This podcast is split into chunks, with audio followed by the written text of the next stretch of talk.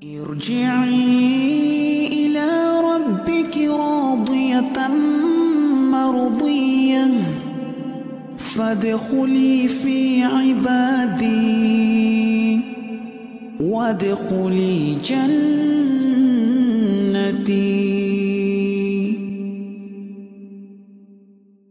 بسم الله الرحمن الرحيم. السلام عليكم ورحمة الله وبركاته. Alhamdulillahi rabbil alamin. Wassalatu wassalamu ala ashrafil anbiya wal mursalin wa ala alihi wa ashabihi wa man tabi'ahum bi ihsanin ila yaumiddin amma ba'du.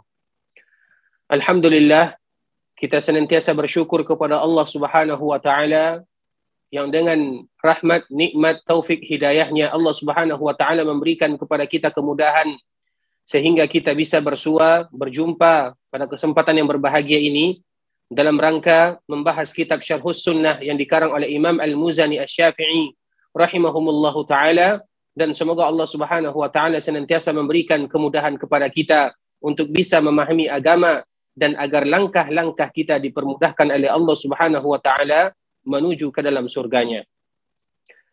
Kemudian salawat beriringkan salam. Semoga tetap tercurahkan buat baginda Rasulullah sallallahu alaihi wasallam nabi yang mulia junjungan kita bersama uswah dan kudwah kita. Kita harus mencontoh baginda Rasulullah Sallallahu Alaihi Wasallam dalam segala aspek kehidupan. Karena Nabi Sallallahu Alaihi Wasallam merupakan Nabi yang paling sayang kepada kita sebagai umatnya. Allahumma salli ala Muhammad wa ala ali Muhammad kama sallaita ala Ibrahim wa ala ali Ibrahim innaka Hamidum Majid. Allahumma barik ala Muhammad wa ala ali Muhammad kama barakta ala Ibrahim wa ala ali Ibrahim innaka Hamidum Majid. Saudara kaum muslimin, kaum muslimat, ikhwani, akhawati, Bapak Ibu, rahimani wa rahimakumullah. Sebelumnya kami mengucapkan jazakumullahu khaira terkhusus kepada sahabat ilmu Darmais, para profesor, redaksi, para dokter dan yang semisalnya. Kemudian begitu juga kepada teman-teman yang ada di Al-Firqah An-Najiyah. Semoga Allah Subhanahu wa taala memberikan kemudahan kepada kita bersama dan semoga Allah memberikan keikhlasan kepada kita karena tidak ada yang paling berharga dalam kehidupan dunia kecuali bagaimana kita menjaga keikhlasan agar apa yang kita lakukan menerima hasil yang indah di sisi Allah Subhanahu wa taala. Pada kesempatan yang berbahagia ini, insya Allah kita akan melanjutkan pembahasan kita tentang sifat-sifat Allah Subhanahu wa taala. Dan kita harus tahu ikhwatul Islam yang kita bahas adalah sifat-sifat Allah Subhanahu wa taala. Sehingga apabila yang kita bahas adalah sifat-sifat Allah, berarti seluruhnya harus kita sandarkan kepada Allah Subhanahu wa taala. Kalau seandainya kita ingin mengetahui sesuatu, cara kita ingin mengetahui sesuatu, yang pertama kita harus melihat apa yang kita ketahui tersebut. Ketika kita melihat sebuah barang, maka dengan demikianlah kita bisa akan memberikan sifat kepada barang tersebut. Ketika kita ingin mengetahui sesuatu, dan ketika kita ingin memberikan sifat kepada sesuatu benda, maka cara pertama yang bisa kita lakukan adalah ketika kita melihat benda tersebut, setelah kita pernah melihat benda tersebut, maka dengan itulah kita akan bisa memberikan sifat bagaimana bentuknya. Itu cara yang pertama. Kemudian cara yang kedua,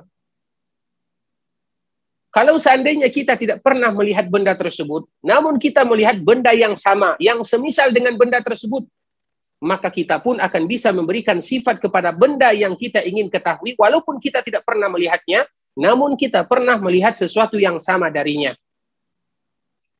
Dua cara ini adalah dua cara yang tidak atau dinafikan oleh Allah Subhanahu wa taala untuk dirinya. Dua cara ini adalah dua cara yang Allah Subhanahu wa taala nafikan untuk dirinya. Tidak mungkin kita melihat Allah Subhanahu wa taala di dalam kehidupan dunia dan tidak ada satupun makhluk yang sama dengan Allah Subhanahu wa taala. Kita ulang lagi. Ketika kita ingin mengetahui sesuatu benda yang mana dengan kita mengetahui benda tersebut, kita bisa memberikan mengetahui bagaimana bentuknya, bagaimana sifatnya. Ada tiga cara. Cara yang pertama adalah kita pernah melihat benda tersebut. Ketika kita pernah melihat bendanya, maka kita akan bisa memberikan sifat kepada benda tersebut. Kalau kita tidak pernah melihatnya, maka kita pun bisa melihat benda yang sama dengan benda tersebut. apabila ada benda yang sama dengan suatu benda, maka kita pun akan bisa memberikan sifat kepada benda tersebut walaupun kita tidak pernah melihatnya, namun kita melihat sesuatu yang sama dengannya. Dua cara ini merupakan dua cara yang tidak mungkin kita ketahui tentang Allah Subhanahu wa taala. Karena kita tidak pernah melihat Allah dalam kehidupan dunia. Namun di akhirat semoga Allah Subhanahu wa taala memasukkan kita ke dalam surga karena memang nikmat yang terindah di dalam surga adalah melihat Allah Subhanahu wa taala. Itu adalah nikmat yang paling indah apabila kita diberikan kesempatan untuk melihat Allah Subhanahu wa taala, hilang seluruh keindahan dan kelezatan yang ada di dalam di dalam surga tersebut. Nah, di dalam kehidupan dunia tidak mungkin bagi kita melihat Allah Subhanahu wa taala. Sehingga kita tidak mengetahui. Nah, cara yang kedua, melihat sesuatu yang sama. Allah Subhanahu wa taala tidak sama, laisa kamitslihi syai. Tidak satu pun yang sama dengan Allah Subhanahu wa taala. Berarti cara yang pertama dan cara yang kedua kita tidak bisa melihat Allah Subhanahu wa taala dan juga sesuatu yang sama dengan Allah Subhanahu wa taala berarti kita tidak bisa memberikan sifat kepada Allah karena kita tidak melihat Allah dan tidak ada satupun yang sama dengan Allah. Tinggal cara yang ketiga. Cara yang ketiga itu adalah dengan khabar. Khabar itu maknanya apa? Ketika kita tidak pernah melihat suatu benda dan kita pun tidak bisa melihat dengan benda yang sama, maka tinggal cara yang ketiga, yaitu dikabarkan kepada kita bagaimana bentuknya. Sehingga babul asma'i wa sifat, bab yang berkaitan dengan nama dan sifat-sifat Allah Subhanahu wa taala hanya fokus kepada poin yang ketiga yaitu al-khabarul mujarrad kita hanya bisa berbicara dengannya sesuai dengan dalil-dalil yang datang kepada kita. Allah Subhanahu wa taala mengatakan tentang dirinya begini, kita mengatakan Allah begini. Kenapa? Karena Allah yang mengatakan. Rasulullah Shallallahu alaihi wasallam mengatakan Allah Azza wa Jalla begini, maka kita pun mengatakan Allah begini. Kenapa? Karena Rasulullah Shallallahu alaihi wasallam yang mengatakan. Sehingga kita tidak bisa mengetahui tentang Allah kecuali melalui nas kecuali melalui ayat-ayat Al-Quran dan juga hadis-hadis Rasulullah Sallallahu Alaihi Wasallam.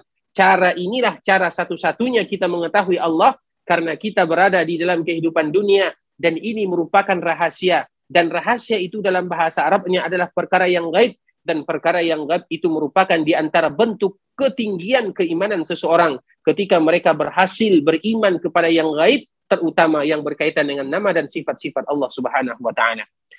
Ikhwatul Islam, saudara kaum muslimin, tentunya sekarang kita belajar tentang sifat-sifat Allah Subhanahu wa taala sebagaimana yang dinukilkan oleh Imam Al-Muzani dalam kitabnya Syarhus Sunnah dan insya Allah kita akan membacanya dan kalau seandainya ada di antara Bapak Ibu, rekan-rekan uh, ikhwan atau akhwat yang ingin membacanya kami persilakan dan ini merupakan di antara bentuk uh, kita ingin memahami apa yang telah disebut disebutkan oleh para ulama dan apa yang telah mereka tuliskan terutama yang berkaitan dengan nama dan sifat-sifat Allah Subhanahu wa taala.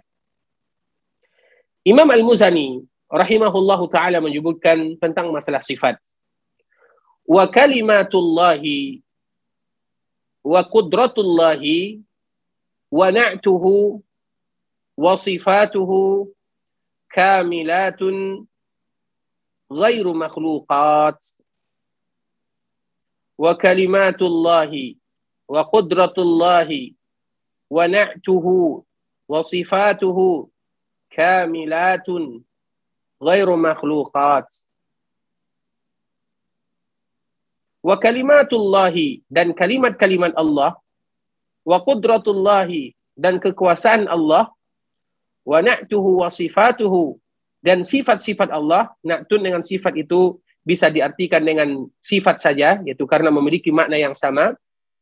Kamilatun ghairu makhluqat sempurna dan tidak sama dengan makhluknya. Kamilatun ghairu makhluqat Sempurna dan itu bukanlah makhluk. Daimatun azaliyatun walaysat bimuhdasatin fatabid. Wala kana rabbuna naqisan fayazid. Daimatun azaliyat yang mana sifatnya continue, terus menerus walaisat bimuhdatsat dan bukanlah sesuatu yang baru karena sesuatu yang baru sesuatu yang ada sebelum dia ada maka dia akan hilang. Dan Allah Subhanahu wa taala bukan demikian. Wala kana rabbuna naqisan fayazid. Dan Rabb kita tidak memiliki kekurangan. Karena sesuatu yang namanya kurang pasti ada kelebihan. Sehingga Allah Subhanahu wa taala zat yang maha sempurna.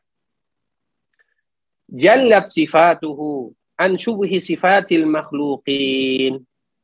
Maha agung Allah Subhanahu wa taala. Maha agung sifat-sifatnya jallat.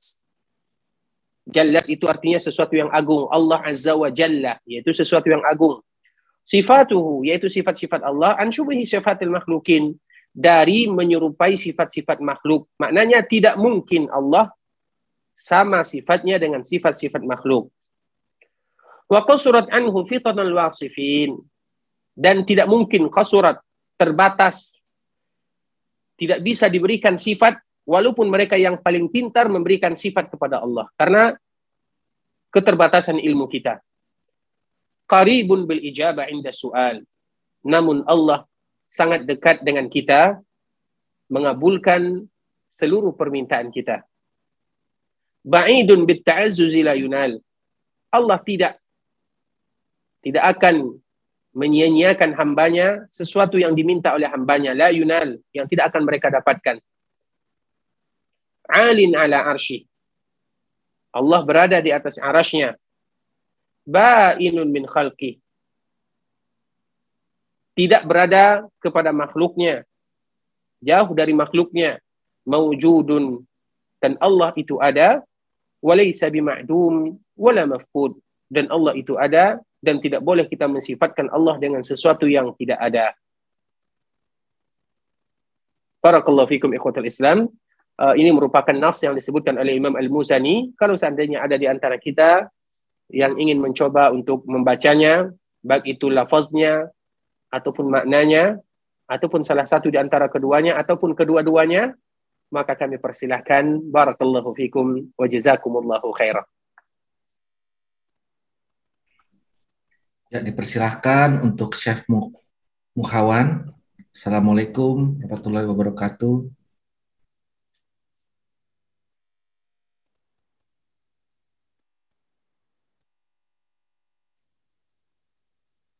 Assalamualaikum, Pak Chef Muhawan.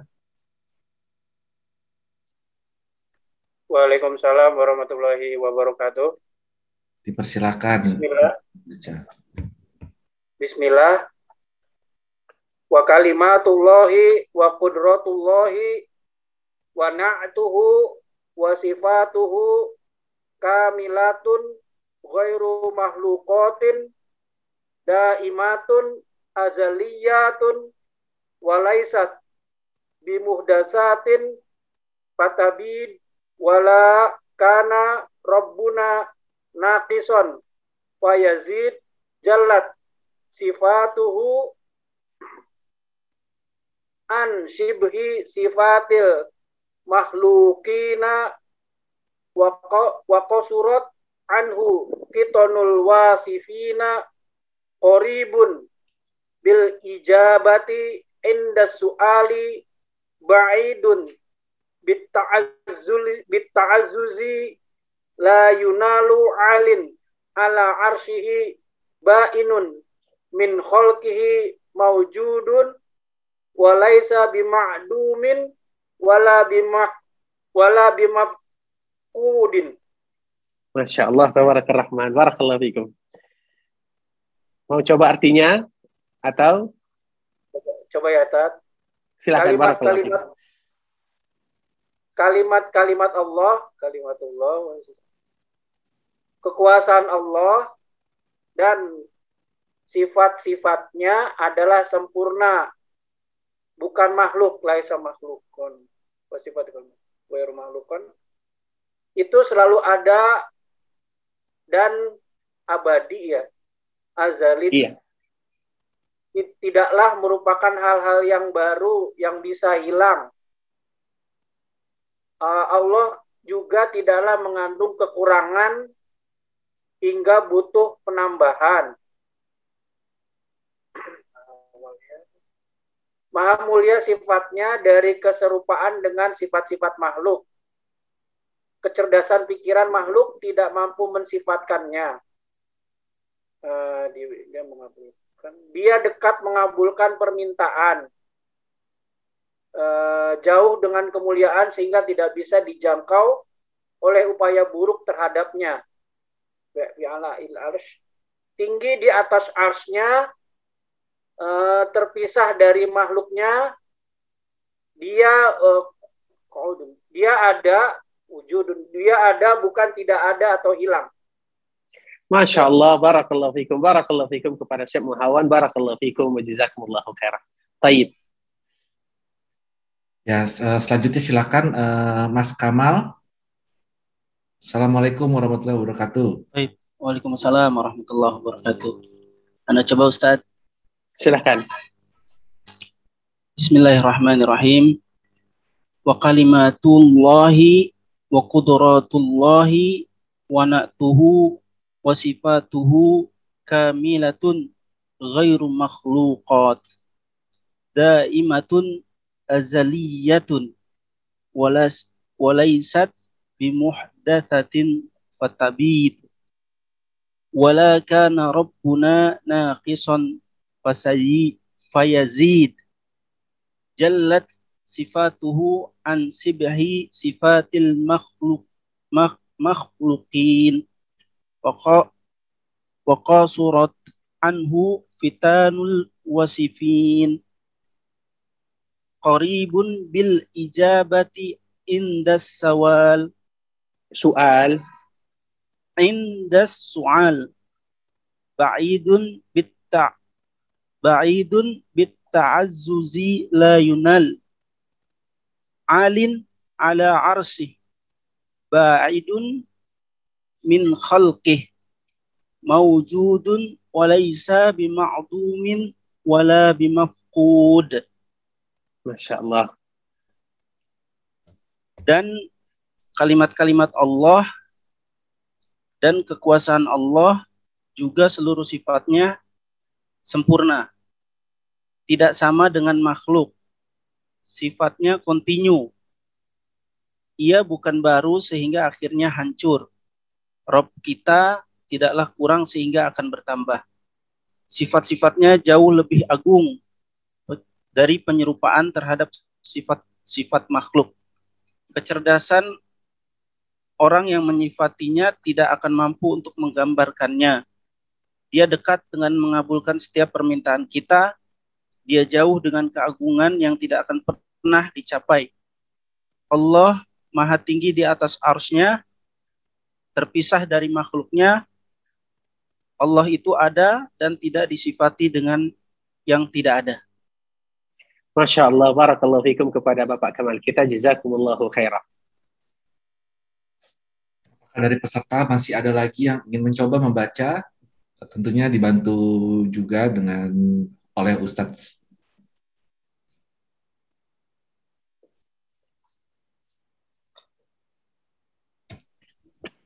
Ya, tampaknya mungkin uh, tidak ada lagi Ustadz. Mungkin kalau boleh dilanjutkan. Uh, Barakallahu fikum, jazakumullahu khairan kepada kita semua. Semoga Allah Subhanahu wa taala senantiasa memberikan uh, kepada kita ilmu yang bermanfaat, amal yang saleh, kemudian Allah Subhanahu wa taala juga memberikan kemudahan kepada kita bersama. Ikhwatal Islam, saudara kaum muslimin, sekarang kita akan melanjutkan apa yang telah disebutkan oleh Imam Al-Muzani di dalam kitabnya Syarhus Sunnah yang berkaitan dengan sifat-sifat Allah Subhanahu wa taala. Wa kalimatullahi wa qudratullahi wa na'tuhu wa sifatuhu kamilatun ghairu makhluqat. Kalimat-kalimat Allah kekuasaan Allah dan seluruh sifat Allah itu adalah sesuatu yang mulia dan sempurna, bukan makhluk. Sebelumnya kita telah membahas tentang Al-Quran, karena Al-Quran itu merupakan kalamullah. Ahlu sunnah wal jamaah menyebutkan Al-Quran itu adalah kalamullah. Kenapa? Karena memang Allah sendiri yang berbicara. Nah, ketika Allah berbicara, berarti Allah berbicara, semuanya bukan makhluk. Berarti Al-Quran yang disebutkan oleh Allah Subhanahu wa Ta'ala itu juga bukan makhluk. Al-Quran itu adalah kalamullah. Karena itu adalah ucapan Allah Subhanahu wa Ta'ala. Sesuatu yang bersumber dari Allah, sesuatu yang Allah lakukan, semuanya adalah sempurna dan tidak satu pun yang dilakukan oleh Allah baik sesuatu yang ada pada diri Allah Subhanahu wa taala ataupun sesuatu yang terpisah dari diri Allah Subhanahu wa taala ataupun sesuatu yang mana Allah Subhanahu wa taala kadang melakukannya dan kadang tidak semuanya adalah sifat-sifat Allah dan semuanya bukan makhluk. Dan sebelumnya kita telah membahas bahwa Al-Qur'an bukanlah makhluk dan yang pertama kali mengatakan bahwa firman Allah Subhanahu wa taala adalah makhluk atau ucapan Allah Subhanahu wa taala adalah makhluk itu adalah sebuah keyakinan yang diambil dari Al-Jahmiyah yaitu Jaham bin Safwan kemudian disebarkan oleh Bishir Al-Mirrisi yang mana mereka mengambil dari Ja'ad bin Dirham yang mana Ja'ad bin Dirham ini difatwakan oleh para ulama dibunuh karena dia menyimpang dari akidah Ahlussunnah bahkan sudah melakukan kekufuran. Dan yang pertama kali melakukan atau yang yang yang yang menghukumnya adalah Khalid Al-Qushairi yaitu pemimpin yang ada pada zamannya yang mana akhirnya dia mengambil dari seorang Yahudi yang pernah menyihir dan meracun Rasulullah sallallahu alaihi wasallam. Jadi, kalimatullah yaitu kalimat Allah dan kekuasaan Allah Subhanahu wa taala dan seluruh sifatnya bukan makhluk. Sebagaimana tadi yang telah kita sebutkan, kita berbicara tentang Allah. Ada Khalik, ada makhluk, ada khalik yaitu Allah Subhanahu wa taala yang menciptakan. Kemudian ada yang diciptakan oleh Allah Subhanahu wa taala. Daimatun azaliyatun wa laysat bimuhdatsin fatabid. Seluruh sifat-sifat Allah Subhanahu wa taala tersebut itu sifatnya adalah abadi. Ketika Allah Subhanahu wa taala menyebutkan sesuatu yang abadi, berarti bukan sesuatu yang baru. Bukan sesuatu yang baru, karena sesuatu yang baru itu pasti akan hilang. Allah Subhanahu wa taala azali. Kemudian wala kana rabbuna naqisan fayzid dan Allah Subhanahu wa taala tidak pernah memiliki sifat-sifat yang kurang karena sesuatu yang kurang pasti akan menginginkan kelebihan atau pasti terjadi kelebihan di sana karena ada kurang ada berlebih. Ikhwatul Islam, ikhwatul Islam rahimani wa rahimakumullah. Sebelumnya atau sebelum kita melanjutkan kita akan terangkan sedikit ketika kita berbicara tentang sifat-sifat Allah Subhanahu wa taala sebagaimana yang sebelum-sebelumnya juga telah kita paparkan bahwa kita berbicara tentang Allah Subhanahu wa taala bukan berarti ingin lebih mengetahui sesuatu di luar daripada nalar kita. Kita hanya berbicara sesuai dengan apa yang Allah Subhanahu wa taala sebutkan. Dan sebelumnya kita juga telah membahas bahwa para ulama kenapa mereka mengarang kitab-kitab akidah dan kenapa di zaman sahabat Nabi dan juga di zaman tabi'in tidak ada yang namanya kitab akidah secara khusus. Hanya mereka membahas hadis-hadis Rasulullah sallallahu alaihi wasallam karena belum ada penyimpangan di sana. Semuanya berada di dalam fitrah. Karena sesuatu yang berkaitan dengan fitrah, maka Allah Subhanahu wa taala akan memberikan kepada kita kemudahan untuk lebih mudah memahaminya. Beribadah kepada Allah Subhanahu wa taala dan mengakui keagungan Allah Subhanahu wa taala. Itu merupakan fitrah yang mutlak. Dan Allah Subhanahu wa taala tidak akan memberikan kesulitan kepada hamba untuk memahami tentang Allah Subhanahu wa taala karena itu merupakan fitrah kita. Bukankah Allah Subhanahu wa taala sebelum menciptakan anak Adam, Allah Subhanahu wa taala mengambil sumpah dari kita semuanya, dari kita semuanya. Sebelum Allah Subhanahu wa taala menciptakan kita bersama, Allah mengambil sumpah Alastu bi rabbikum? Qalu bala syahidna. Allah Subhanahu wa taala bertanya kepada semua makhluk, terutama jin dan manusia yang diberikan kepada mereka taklif. Bukankah aku Rabb kalian? Maka semua kita mengatakan iya. Maknanya apa? Sesuatu yang berkaitan dengan Allah Subhanahu wa taala. Maka Allah Subhanahu wa taala akan memberikan kemudahan untuk memahami apa yang telah dimudahkan atau fitrah tersebut. Tidak mungkin dipersulit oleh Allah. Sehingga berkaitan dengan nama dan sifat-sifat Allah. Sebenarnya adalah sesuatu yang mudah. Ketika kita keluar dari kemudahan tersebut, maka itulah yang menyebabkan kenapa terjadi penyelewengan dan penyimpangan. Sering kita sebutkan kapan pertama kali terjadi atau kenapa di dalam agama Islam banyak orang yang salah di dalam memahami antara nama dengan sifat-sifat Allah Subhanahu wa taala ketika mereka sudah meninggalkan Al-Quran, ketika mereka sudah meninggalkan sunnah-sunnah Rasulullah, kemudian mereka mencari ilmu di luar Islam atau mengambil ilmu dari orang yang bukan Islam. Itu adalah sumber kekeliruan yang terjadi pada akhir abad kedua Hijriah. Ketika kaum muslimin mereka sudah mulai meninggalkan agama Islam, sudah mulai meninggalkan nas-nas dari Al-Quran dan hadis-hadis Rasulullah, kemudian mereka mengambil filsafat ini, filsafat Yunani, filsafat Greki, filsafat itu, maka di sanalah mulai terjadi kekeliruan terutama di dalam memahami ayat sifat-sifat Allah Subhanahu wa taala. Karena di dalam memahami sifat-sifat Allah Subhanahu wa taala sangatlah mudah karena itu adalah fitrah. Tidak mungkin Allah memberikan kesulitan. Ketika Allah Subhanahu wa taala menurunkan Al-Qur'an, apa tujuannya? Memberikan kemudahan. Ketika Allah Subhanahu wa taala mengutus Rasulullah sallallahu alaihi wasallam sebagai nabi terakhir, apa tujuannya? Yaitu menyampaikan risalah agama yang mana agama ini adalah sesuatu yang mudah. Kalau seandainya kita bandingkan dengan agama-agama sebelumnya, agama Islam adalah agama yang paling mudah. Namun bukan berarti ketika agama mudah, kita mempermudah. Tidak. Namun maknanya, ketika Allah menurunkan Al-Quran, ketika Allah mengutus Rasulullah Sallallahu Alaihi Wasallam, semuanya adalah untuk memberikan kemudahan kepada kita, sehingga dalam memahami agama Islam tidak perlu berbelit-belit ke kanan ke kiri. Tidak, mudah bagi Allah. Memang ada sebahagian ilmu yang susah kita dapatkan atau susah kita pahami. Namun itu hanya sedikit saja dan tidak dalam bagian nama dan sifat-sifat Allah Subhanahu wa taala. Sesuatu yang berkaitan dengan Allah tidak mungkin Allah memberikan kesusahan kepada kita untuk untuk tidak memahaminya. Karena itu sesuatu yang paling penting bahkan itu merupakan asas dalam agama Islam di mana kita beribadah kepada Allah, kita memahami nama dan sifat-sifat Allah dan kita mengetahui keagungan Allah Subhanahu wa taala sehingga dengan yang demikian mudah bagi kita dan Allah pun memberikan kemudahan kepada kita. Sehingga ketika kita berbicara tentang Allah, jangan pernah kita samakan dengan makhluk. Karena Allah bukan makhluk. Allah yang menciptakan makhluk. Sesuatu yang datang dan bersumber dari Allah Subhanahu wa taala bukan makhluk. Firman Allah Subhanahu wa taala bukan makhluk. Kekuasaan Allah Subhanahu wa taala bukan makhluk dan perbuatan Allah Subhanahu wa taala pun bukan makhluk. Sehingga ketika bukan makhluk, maka tidak boleh bagi kita untuk menyamakan Allah Subhanahu wa taala dengan makhluknya. Kita contohkan ikhwatal Islam di antara bentuk menyamakan Allah dengan makhluknya. Seperti misalnya hadis Rasulullah sallallahu alaihi wasallam menyebutkan, "Yanzilu Rabbuna ila sama'id dunya hina yabqa thuluthul lailil akhir."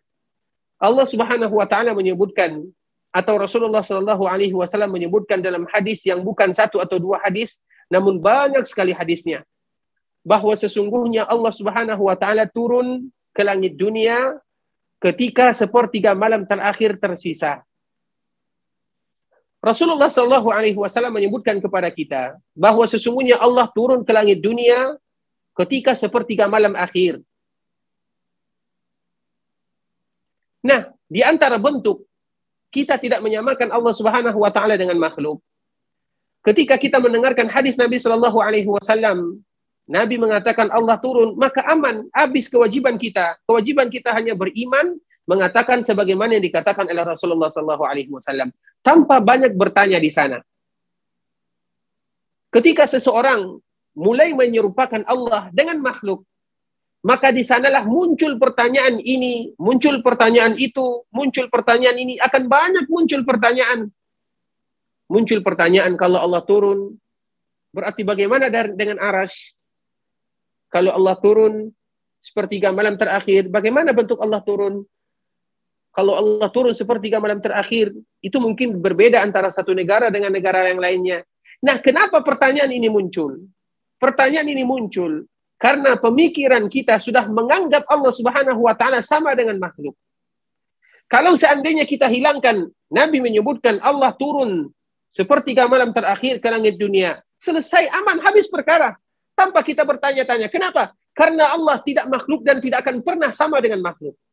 Ketika pertanyaan itu muncul, yang pertama kali terdetik dalam hati atau dalam pemikiran mereka yang bertanya, karena mereka sudah menyamakan Allah dengan makhluk. Karena mereka tidak tahu kalimat turun, kecuali bagaimana turunnya makhluk. Allah subhanahu wa ta'ala turun. Makhluk juga turun.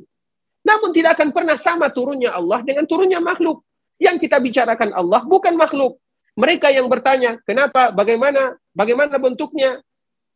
Itu mereka sudah menyamakan makhluk dengan Allah Subhanahu wa taala karena yang terbayang dalam pemikirannya adalah turunnya manusia sehingga mereka bertanya-tanya karena syubhat atau sesuatu yang sudah terdetik dalam pemikirannya. Sehingga Imam Al-Muzani menyebutkan ghairu makhluqat tidak satu pun di antara sifat Allah yang makhluk. Maknanya apa? Jangan pernah disamakan dengan makhluk. Karena semua yang datang dari Allah, seluruh sifat Allah, baik sifat yang ada pada diri Allah Subhanahu wa taala atau yang terpisah atau yang kedua-duanya digabungkan semuanya bukan makhluk sehingga jangan pernah kita kiaskan dengan makhluk karena kalimat kiasan atau kalimat-kalimat kias tidak ada di dalam nama dan sifat-sifat Allah Subhanahu wa taala. Itu poin penting. Bukan berarti tidak ada kias. Tapi kias itu tidak ada di dalam memahami nama dan sifat-sifat Allah. Kenapa tidak ada kias? Kias itu apa artinya? Kias itu artinya mengkiaskan sesuatu benda dengan benda yang lain. Karena terjadi kesamaan, makanya kita kiaskan. Sedangkan Allah Subhanahu wa taala mungkinkah kita kiaskan? Tidak akan pernah mungkin dan tidak akan mungkin selama-lamanya. Karena Allah Subhanahu wa taala qul huwallahu ahad. Allah Maha Esa. Bagaimana kita mengkiaskan keesaan Allah Subhanahu wa taala? Sehingga kata-kata kias tidak ada di dalam memahami nama dan sifat-sifat Allah Subhanahu wa taala. Kemudian ikhwatal Islam kita lanjutkan apa yang disebutkan oleh Imam Al-Muzani. Jallat sifatuhu an syubuhi sifatil makhlukin. Maha agung Allah. Maknanya apa? Tidak mungkin Maha agung Allah Subhanahu wa taala kalau seandainya sifat-sifatnya sama dengan sifat-sifat makhluk. Maha agung Allah Subhanahu wa taala. Maknanya tidak akan mungkin dan tidak akan pernah mungkin. Bagaimana pula sama sifat-sifat Allah Subhanahu wa taala dengan sifat makhluk? Pengucapan kata-katanya bisa jadi sama. Namun hakikatnya tidak pernah sama. Dan ini sering kita ulang. Pengucapannya sama karena Allah Subhanahu wa taala berbicara kepada kita agar kita mengindahkan agama. Tidak mungkin Allah Subhanahu wa taala berbicara kepada kita dengan bahasa-bahasa yang tidak mungkin kita memahaminya. Sehingga Al-Quran Arabiyyun Mubin. Al-Quran itu adalah dengan bahasa Arab yang jelas. Allah Subhanahu wa taala sengaja memilih bahasa Arab karena bahasa Arab itu memiliki kelebihan dengan bahasa-bahasa yang lainnya. Mubin kata Allah Subhanahu wa taala. Yaitu yang jelas, yang nyata, yang jelas. Kemudian Waka surat anhu fitanul wasifin. Dan tidak mungkin sampai di sana pemikiran sepintar apa pun seorang hamba tidak mungkin memberikan sifat kepada Allah Subhanahu wa taala maknanya menghayal. Karena di dalam memahami nama dan sifat-sifat Allah Subhanahu wa taala kita tidak boleh membawa akal kita ke sana. Karena akal kita ini ikhwatal Islam, akal kita ini berbeda. Berbeda antara akal fulan dengan alan, akal si A dengan akal si B itu tidak akan pernah sama. Bahkan antara keluarga kita saja, yang satu seorang ayah, yang satu seorang ibu, yang satu seorang anak ketika ingin memutuskan sebuah permasalahan, maka terjadi perbedaan di sana. Kenapa? Karena itu adalah akal manusia. Sehingga akal kita ini tidak bisa pernah dijadikan standar untuk memahami Allah Subhanahu wa taala. Bukan berarti kita menyampingkan akal, bahkan di antara bentuk orang yang berakal adalah menyerahkan dirinya kepada Allah ketika memahami atau ingin mempelajari tentang nama dan sifat-sifat Allah Subhanahu wa taala. Sepintar apa pun kita, kita tidak akan pernah mengetahui tentang hakikat Allah namun kita mengetahui maknanya. Maknanya jelas karena Allah berbicara kepada kita dengan bahasa Arab yang jelas. Tidak mungkin Allah berbicara kepada kita, kemudian Allah menginginkan arti yang lain, tidak mungkin. Sehingga di sini tidak butuh yang namanya takwil. Kenapa takwil itu artinya adalah karena takwil itu memiliki nama atau arti yang sangat banyak. Namun di antara takwil itu artinya adalah di antara sesuatu yang Allah berbicara A, namun kita menganggap Allah bukan berbicara A, berbicaranya B. Seperti nanti akan kita sifatkan atau tadi yang sudah pernah kita contohkan. Misalnya Allah Subhanahu wa taala mengatakan Allah turun. Maka kita mengatakan yang turun itu bukan Allah. Namun yang turun itu adalah rahmat Allah atau tentaranya Allah atau kekuasaan Allah atau malaikat Allah. Itu artinya takwil. Nabi mengatakan Allah turun. Kita mengatakan yang turun itu bukan Allah. Nah, di sanalah kita lebih hebat daripada Rasulullah Wasallam. Itulah namanya takwil. Kenapa ditakwil? Karena orang yang mentakwil, setiap mereka yang mentakwil, pasti yang terbayang dalam pemikirannya adalah bahwa Allah Subhanahu Wa Taala yang terbayang dalam pemikirannya adalah Allah Subhanahu wa taala turun maka mereka berpikiran sama dengan turun makhluk sehingga harus ditakwil dan dicari arti yang lain. Takwil itu artinya memberikan makna yang bukan makna sebenarnya. Itu artinya takwil, diselewengkan artinya. Sehingga di dalam masalah nama dan sifat-sifat Allah Subhanahu wa taala tidak demikian keadaannya karena kita berbicara tentang Allah Subhanahu wa taala. Kemudian apa kata Imam Al-Muzani? Qaribun bil ijabati inda su'al. Allah Subhanahu wa taala dekat dengan kita. Makanya Allah Subhanahu wa taala menyebutkan di dalam surah Al-Baqarah, "Wa idza sa'alaka 'ibadi 'anni fa inni qarib." Apabila hambaku memohon meminta kepadaku, katakan kepada mereka bahwa aku sangat dekat kepada mereka. Dan kita pun merasakan kedekatan Allah Subhanahu wa taala. Semakin Allah Subhanahu wa taala memberikan kepada kita kenikmatan, keindahan, kekhusyukan di dalam beribadah, maka setiap kali itu pula lah kita menghadiri atau merasakan kehadiran Allah Subhanahu wa taala. Dan semua kita bisa merasakan. Seperti misalnya, terutama di pertengahan sepertiga malam terakhir. Ketika kita beribadah dan sholat, melaksanakan sholat, kemudian kita berdoa kepada Allah, maka jarang di antara kita yang tidak meneteskan air mata. Seolah-olah kita berbicara dengan Allah Subhanahu wa taala. Kenapa? Karena memang Allah dekat dengan kita. Bukan berarti Allah dekat dengan kita. Harus ada di dalam makhluknya, bukan. Dan semua kita bisa merasakan yang demikian. Makanya Imam Al-Muzani menyebutkan qaribun bil ijabati anda soal Allah dekat dengan kita terutama untuk mengabulkan seluruh doa dan permintaan kita bersama. Dan kita bisa merasakan yang demikian. Bukan berarti zatnya Allah Subhanahu wa taala. Karena Allah Subhanahu wa taala alin sebagaimana nanti yang telah disebutkan. Ba'idun bitta'azzuzi la yunal. Maknanya Allah Subhanahu wa taala tidak mungkin mengecewakan hambanya. Tidak mungkin Allah mengecewakan hambanya. Makanya kita sendiri bisa merasakan ketika kita menghadapi masa-masa sulit, masa-masa genting, di masa tidak ada lagi pertolongan yang bisa memberikan pertolongan kepada kita, maka di sanalah hati kita tertuju kepada Allah Subhanahu wa taala, maka di sanalah Allah Subhanahu wa taala akan memberikan jalan keluar dari sesuatu tempat yang kita tidak pernah menyangka-nyangkanya. Kenapa? Karena Allah Subhanahu wa taala tidak pernah memberikan rasa kekecewaan kepada hambanya, tinggal bagaimana kita memohon meminta kepada Allah Subhanahu wa taala. Kemudian apa kata Imam Al-Muzani? Alin ala arsyihi. Walaupun Allah Subhanahu wa taala dekat dengan kita, namun Allah berada di atas arasnya, alin ala arsyihi. Allah Subhanahu wa taala di atas aras karena Allah yang menyebutkan. Makanya ini juga pernah kita sebutkan. Ja'ad bin Dirham yang pertama kali memberikan racun di dalam akidah kaum muslimin. Dia mengatakan, kalau seandainya aku mendapatkan kekuasaan, maka aku, maka aku akan menghapuskan ayat-ayat Allah Subhanahu wa taala terutama yang ada di dalam surat Taha. Apa yang ada di dalam surat Taha tersebut? Yaitu kalimat ini Ar-Rahmanu 'alal arsyistawa. Apa kata Ja'ad bin Dirham? Kalau seandainya aku memiliki kekuasaan, maka aku, maka aku akan menghilangkan aku akan menghilangkan ayat tersebut dari Al-Qur'an. Coba bayangkan. Untuk memasukkan akidahnya yang rusak, dialah yang pertama kali memasukkan racun ini ke dalam akidah kaum muslimin. Begitu juga sebahagian di antara mereka Sebagaimana Allah Subhanahu wa taala menyebutkan laisa kamitslihi syai' wa huwas samiul alim. Apa katanya? Dan kalimat ini merupakan kalimat yang senantiasa ditulis di dinding Ka'bah atau di sitarnya Ka'bah. Kita tahu Ka'bah itu sitarnya mulai dari zaman terdahulu walaupun berbeda berbeda dengan zaman sekarang. Nah, dia mengatakan kalau seandainya aku memiliki kekuasaan aku akan hilangkan ayat ini. Karena ayat-ayat ini merupakan ayat yang meruntuhkan keyakinan mereka.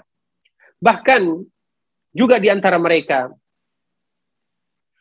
Amr bin Ubaid, dia pernah mengatakan, ketika dia sedang sujud, dan kita tahu, dikala kita sujud, kita mengucapkan Subhana Rabbiyal A'la. Maha suci Allah yang maha tinggi. Padahal kita sedang meletakkan wajah kita, memohon meminta kepada Allah Subhanahu wa taala dan wajah ini merupakan sesuatu yang mulia yang dimiliki oleh anak Adam namun kemuliaan kita kita rendahkan untuk Allah Subhanahu wa taala dan kita tetap memuji Allah Subhanahu wa taala. Kepala kita, wajah kita, muka kita berada di lantai di tempat sujud, namun kita mengucapkan subhana rabbiyal a'la. Maha suci Allah yang maha tinggi. Berbeda dengan Amr bin Ubaid. Amr bin Ubaid ini adalah temannya Wasil bin Atha. Wasil bin Atha ini adalah dedengkotnya orang-orang Mu'tazilah dan dia memiliki teman namanya Amr bin Ubaid. Dia mengatakan dan ingin merubah. Kalau seandainya aku memiliki kemampuan, maka aku akan mengucapkan Subhana Rabbiyal Asfal. Maha suci Allah yang berada di bawah. Kenapa? Karena dia tidak yakin. Dia tidak yakin Allah Subhanahu wa taala berada di atas aras dan ini adalah asal muasal daripada keyakinan mereka yang tidak yakin Allah Subhanahu wa taala berada di atas aras. Sehingga Imam Al-Muzani menyebutkan alin ala arsy. Allah Subhanahu wa taala tinggi di atas arasnya. Ba'inun min khalqi. Dan Allah Subhanahu wa taala terpisah dengan makhluknya. Kenapa Imam Al-Muzani mengatakan yang demikian? Ba'inun min khalqi, alin ala arsy, ba'inun an, an, an, min khalqi, terpisah dari makhluknya. Karena ketika Allah menyebutkan Allah bersemayam di atas aras, cukup bagi kita mengatakan Allah bersemayam di atas aras. Tanpa banyak kita bertanya. Karena orang yang mulai bertanya, berarti mereka sudah mulai menyifatkan Allah Subhanahu wa taala dan menyamakan sifat-sifat Allah dengan makhluknya. Bagaimana? Misalnya Allah bersemayam di atas aras yang terbayang dalam pemikiran mereka, yaitu seperti raja yang duduk di atas singgasananya. Sehingga banyak yang akan mereka tanyakan, kalau Allah bersemayam di atas aras, berarti aras lebih besar daripada Allah, sebagaimana kita duduk atau seorang raja duduk di atas singgasananya, tidak mungkin raja tersebut lebih besar daripada singgasananya. Kenapa pertanyaan ini muncul? Karena yang pertama kali terbayangkan dalam pemikirannya adalah bagaimana singgasana dan seseorang yang duduk di atas singgasana. Allah Subhanahu wa taala laisa kamitslihi syai. Ingat Allah laisa kamitslihi syai. Allah tidak sama dengan makhluknya. Kita hanya diperintahkan untuk beriman. Ketika Allah menyebutkan ba'inun atau ala arsyihi, Allah berada di atas aras, sami'na wa ta'na. Kita dengar, kita kita taati, selesai habis perkara tanpa banyak bertanya. Karena yang bertanya yang pertama kali ada dalam pemikirannya adalah bahwa Allah atau dia sudah mensifatkan Allah dengan makhluknya. Sehingga banyak pertanyaan. Kalau Allah bersemayam di atas aras, berarti Allah lebih besar. Berarti aras lebih besar. Berarti misalnya Allah ada di atas makhluknya. Berarti Allah butuh kepada arasnya. Berarti kalau Allah turun, arasnya tinggal. Itu semua adalah ketika kita menyamakan. Dan yang ada dalam pemikiran kita adalah kita samakan Allah dengan makhluknya. Dan kalimat-kalimat tersebut muncul karena syubuhat ketika kita sudah menyamakan Allah dengan makhluknya. Sehingga Imam Al-Muzani menyebutkan alin ala arsy. Allah berada di atas arasnya. Ba'inun min khalqi. Terpisah dari terpisah dari seluruh makhluknya. Karena Allah Subhanahu wa taala Maha Mulia. Kemudian mewujud. Dan semua kita mengetahui mewujudun wa laysa bima'dumin wala bimafqud. Ini merupakan di antara bentuk menghibur kita. Jadi kalimat yang terakhir ini merupakan kalimat bagaimana Imam Al-Muzani memberikan hiburan sekaligus himbauan sekaligus bagaimana kita senantiasa mengetahui tentang Allah Subhanahu wa taala. Kenapa? Karena setiap kita menghadapi permasalahan, ada di antara kita permasalahan yang dihadapinya sangat berat sehingga dia tidak bisa tinggal di dalam kehidupan dunia seolah-olah dunia ini yang begitu luas sempit baginya. Ada orang yang diuji dengan keluarganya. Ada orang yang diuji dengan anaknya. Ada orang yang diuji dengan suaminya. Ada orang yang diuji dengan istrinya. Ada orang yang diuji dengan hartanya. Ada orang yang diuji dengan tetangganya. Ada orang yang diuji dengan orang tuanya. Berbeda, bermacam ragam ujian, musibah yang diberikan atau yang ada terhadap, terhadap semua makhluk. Namun kita harus yakin dan kita harus mengetahui Allahu mawjud. Allah ada. Ketika kita mengetahui Allah ada, berarti kita jadikan seluruh tempat kita bergantung kita kepada Allah Subhanahu wa taala. Meminta tolong kepada manusia. Itu diperbolehkan selama mereka sanggup dan bisa melakukannya. Walaupun ketergantungan hati kita hanya kepada Allah Subhanahu wa taala. Karena kita yakin Allah ada. Semuanya tahu semuanya tahu bahwa Allah Subhanahu wa taala ada. Namun tinggal pengaplikasian di dalam kehidupan sehari-hari. Ketika kita sadar ketika kita yakin Allah ada maka kepada Allah lah kita menggantungkan semua harapan. Karena mereka yang menggantungkan harapan kepada Allah Subhanahu wa taala Allah tidak akan pernah membuat hambanya kecewa. Namun ketika kita sudah menggantungkan harapan kita kepada manusia, maka siap-siaplah kita kecewa dan putus asa. Karena penggantungan sesuatu itu hanya kepada Allah bukan berarti kita tidak berusaha, namun kita hanya senantiasa menyerahkan hati kita kepada Allah Subhanahu wa taala, Allah yang maha dekat dengan kita, Allah yang mengabulkan permintaan kita, Allah yang selalu ada di dalam hati kita, maka dengan itulah kita senantiasa bermohon kepada Allah Subhanahu wa taala dalam setiap permasalahan yang kita hadapi dalam kehidupan ini. Ikhwatul Islam, saudara kaum muslimin, kaum muslimat, Bapak Ibu, para dokter, para profesor, redaksi, kami uh, tutup dulu mungkin sampai di sini pembahasan kita dan kita uh, kembalikan uh, kita membuka sesi yang kedua yaitu sesi tanya jawab. Kalau seandainya ada di antara kita yang ingin bertanya atau yang belum jelas baginya, kami persilahkan. Insya Allah kami berusaha kalau seandainya bisa menjawab kami jawab. Kalau tidak, kita serahkan uh, di waktu yang lainnya atau kita tanyakan kepada ustadz yang lainnya. Barakallahu fikum wa jazakumullahu khairan. Jazakumullah khairan katsiran Ustadz atas pemaparan materinya yang sangat bermanfaat. Mari kita lanjut ke pertanyaan. Insya Allah uh, saat ini sudah ada yang bertanya secara langsung. Dipersilahkan kepada Pak Chef Muhawan. Assalamualaikum warahmatullahi wabarakatuh. Waalaikumsalam warahmatullahi wabarakatuh. Bismillah, barokallahu fiqh Ustadz. E, pertanyaannya ada dua, nggak apa-apa ya, ya dok ya, Dokter Fenardi. Silakan Pak Chef Muhawan. Yang pertama adalah tentang tadi yang disampaikan oleh Al Imam Muzani tentang alin ala arsh e, perkataan Jad, Jad bin Dirham mengenai surat Toha tadi. E, mau tahu Ustaz e, Jad bin Dirham ini hidup di zamannya siapa ya Ustaz? Termasuk tadi e, Amru bin Ubaid. Itu hidup di zaman siapa ya? Karena dia tadi sahabatnya Wasil bin Ato ya yang berpaham Mu'tazilah. Yang kedua, apa ya urgensinya, apa pentingnya perkataan Imam Malik yang kita kenal dan kita ketahui uh, apa tentang tentang waktu ketika beliau ditanya uh, al istiwa umaklum dan seterusnya itu. Wal imanu wajibun dan seterusnya itu tentang istiwanya Allah di atas ars. Syukuran Ustadz. Barakallahu fikum kepada uh, Bapak kita yang bertanya Syekh Muhawan. Semoga Allah Subhanahu wa taala senantiasa menjaganya, memberikan keberkahan kepada keluarganya terhadap hartanya dan juga kepada kita bersama. Tentunya untuk pertanyaan yang pertama yaitu tentang Ja'ad bin Dirham, kemudian uh, Bishir al-Mirrisi, itu di zaman siapa? Itu tentunya mereka berada di abad kedua Hijriah. Semua mereka itu berada di abad kedua Hijriah. Ja'ad bin Dirham, kemudian Jaham bin Sofwan, kemudian Bishir al-Mirrisi, yang mana dikhususkan oleh para ulama menulis kitab-kitabnya, dan di antaranya adalah salah satunya adalah Imam uh, Ahmad rahimahullahu taala yang betul-betul memberikan tulisan dan membantah Bishir al-Mirrisi. Kenapa Bishir al-Mirrisi? Karena Jaham bin Sofwan mengambil dari Ja'ad bin Dirham. Jadi mereka baru sifatnya individu. Kemudian Jaham bin Sofwan sudah disebarluaskan sedikit namun masih tetap sifatnya individu.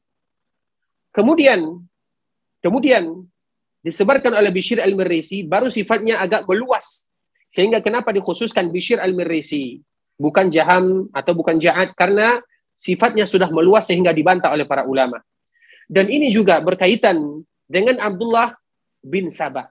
Berkaitan juga dengan Abdullah bin Sabah. Kita tahu Abdullah bin Sabah yang mulai ada di zaman Utsman bin Affan, kemudian di zaman Ali, kemudian mereka atau dia diusir sampai ke negeri Yaman, kemudian dia berputar ke Kufah, ke Basra, kemudian ke Syam sampai ke Mesir. Jadi semuanya itu ada hubungannya. Walaupun secara umum di awal-awal pemikiran mereka itu hanya sifatnya individu, disampaikan kepada satu, dua orang, tiga orang, itu disampaikan kepada mereka. Namun yang menyebarkan pemikiran mereka itu adalah Bishir al-Mirrisi.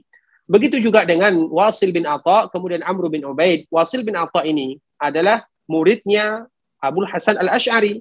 Muridnya adalah uh, uh, Abu Hasan Al-Basri. Maaf, Abu Hasan Al-Basri, muridnya Abu Hasan Al-Basri. Kita tahu Hasan Al-Basri, muridnya Hasan Al-Basri. Hasan Al-Basri ini kita mengetahui dia merupakan seorang ulama yang yang dijadikan rujukan, seorang tabi'in. Kemudian ikhwatul Islam, di antara salah satunya adalah Wasil bin Atha. Dia pertama adalah muridnya para ulama.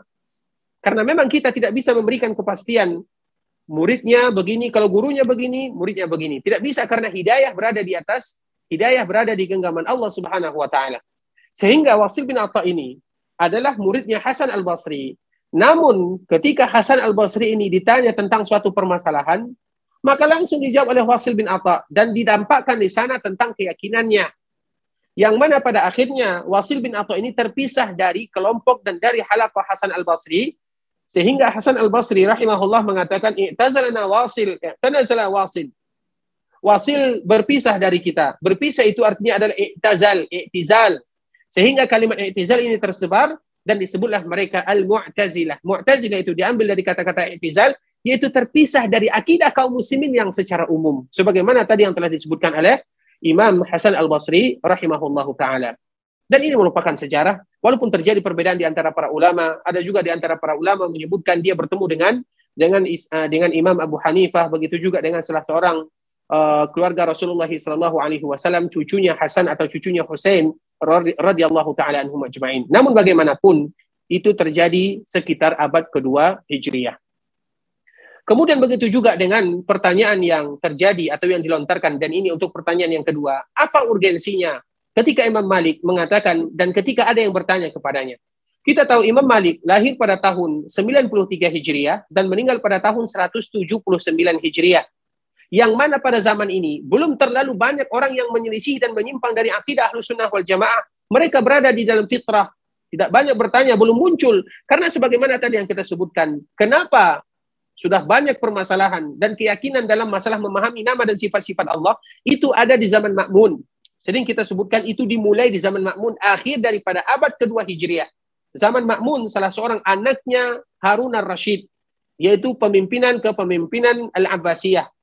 Yang mana kepemimpinan Abbasiyah ini berlanjut selama lima abad sampai enam abad yang dipimpin oleh 37 orang 37 orang uh, pemimpin pada saat itu. Salah satunya adalah Makmun. Dan ada tiga orang anaknya Harun ar-Rashid. Yang pertama adalah Ma'mun, kemudian Al-Wasik, Al-Mutawakil. Bertiga inilah di zaman mereka itu tersebar buku-buku filsafat yang sudah diterjemahkan dari Yunani kuno karena dia bermimpi katanya kata Makmun ini dia bermimpi bahwa Rasulullah Shallallahu Alaihi Wasallam memerintahkan kepadanya atau mengambil buku-buku tersebut. Namun apalah hidayah itu adalah mimpi. Bahkan ah, karena mimpi dia inilah kaum muslimin rusak karena mereka sudah mengambil buku-buku. Yang diambil itu adalah buku Yunani kuno. Buku filsafat. Kita tahu filsafat itu ada dua. Yang pertama berkaitan dengan masalah dunia. Kalau seandainya kita berfilsafat dalam masalah dunia, terserah karena itu urusan dunia. Namun masalah agama, agama kita sudah sempurna, tidak butuh kepada buku-buku filsafat. Kenapa buku filsafat ini? Buku filsafat ini atau yang kita kenal dengan Yunani kuno, mereka ingin mengetahui tentang Allah Subhanahu wa taala, namun risalah tidak sampai kepada mereka, tidak ada wahyu sehingga mereka meraba-raba. Mereka fitrah. Maknanya mereka ingin kembali kepada fitrah dan mereka ingin meraba tentang Allah Subhanahu wa taala, namun mereka salah. Nah, inilah yang diambil dan dibawa kepada kaum muslimin sehingga inilah yang disebut dengan uh, yang meracuni akidah kaum muslimin. Nah, di zaman Imam Malik ini belum ada sehingga ketika ada yang bertanya ketika, kepada Imam Malik, Imam Malik senantiasa menjelaskan tentang masalah nama dan sifat-sifat Allah sesuai dengan kesempurnaan Allah Subhanahu wa taala tidak sama dengan makhluk dan semua kita paham. Namun suatu ketika ada yang bertanya dan Imam Malik merasa heran dan terkejut. Sehingga ketika orang tersebut bertanya, "Wa kaifastawa?" Imam Malik mengatakan, "Ar-Rahmanu 'alal 'arsy istawa." Allah bersemayam di atas aras. Kemudian orang tersebut bertanya, "Kaifastawa ya Imam?" Bagaimana Allah bersemayam? Bagaimana Allah bersemayam di atas aras wahai imam? Saking beratnya pertanyaan yang diterima oleh Imam Malik, maka Imam Malik menundukkan pandangannya ke bawah dalam waktu yang sangat lama. Disebutkan oleh para ulama, sampai keringat Imam Malik keluar karena beratnya pertanyaan yang dilontarkan kepadanya tidak pernah pertanyaan tersebut dilontarkan. Dan kenapa pertanyaan ini muncul? Karena sudah mulai masuk syubhat.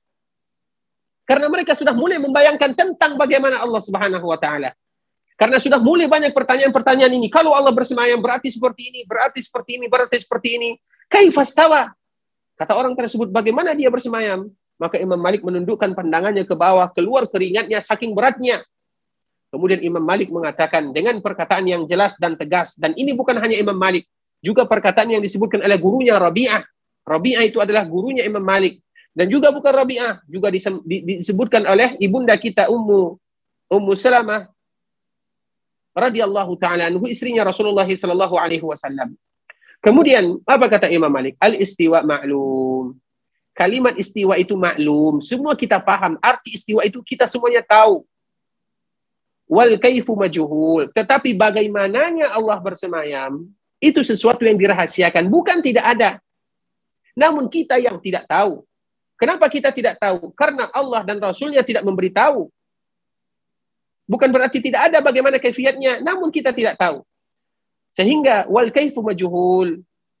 Bertanya atau kaifiatnya kita tidak tahu karena Allah tidak memberitahu. Wasu'alu anhu bid'ah. Dan bertanya tentang kaifa, bagaimana hakikatnya, itu adalah pertanyaan bid'ah karena baru muncul.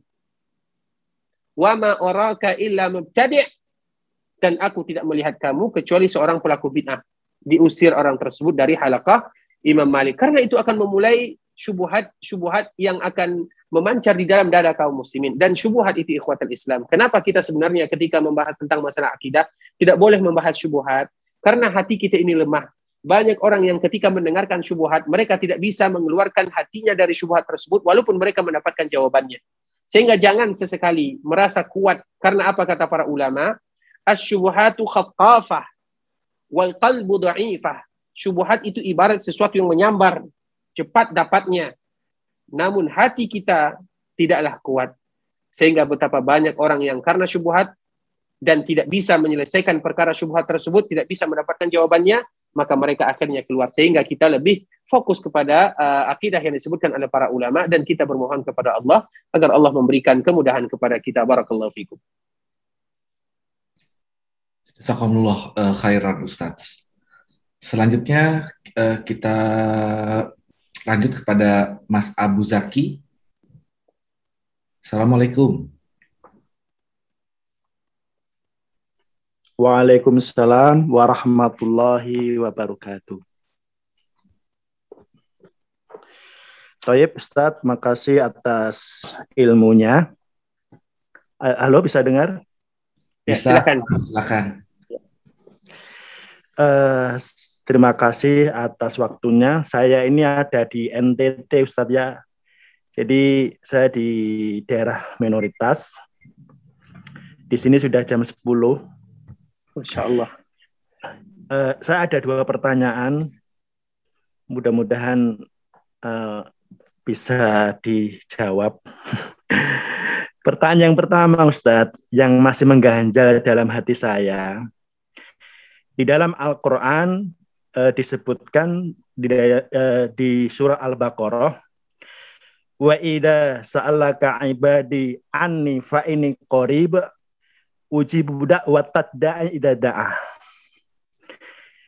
Uh, yang artinya jika hambaku bertanya tentangku katakanlah katakanlah aku ini dekat maka berdoalah kepadaku nah ayat ini Ustaz eh, sebagian firqoh yang kemarin itu JT dia memahami bahasanya dekat di sini dekat sarajatnya maka pertanyaan kami mohon penafsiran yang benar tentang ayat ini Ustaz.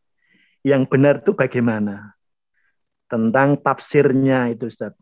Ayat ini. Yang pertama. Yang kedua, sekarang sedang viral Ustaz di Facebook atau di media ini tentang fulan AM yang namanya AM, inisial AM.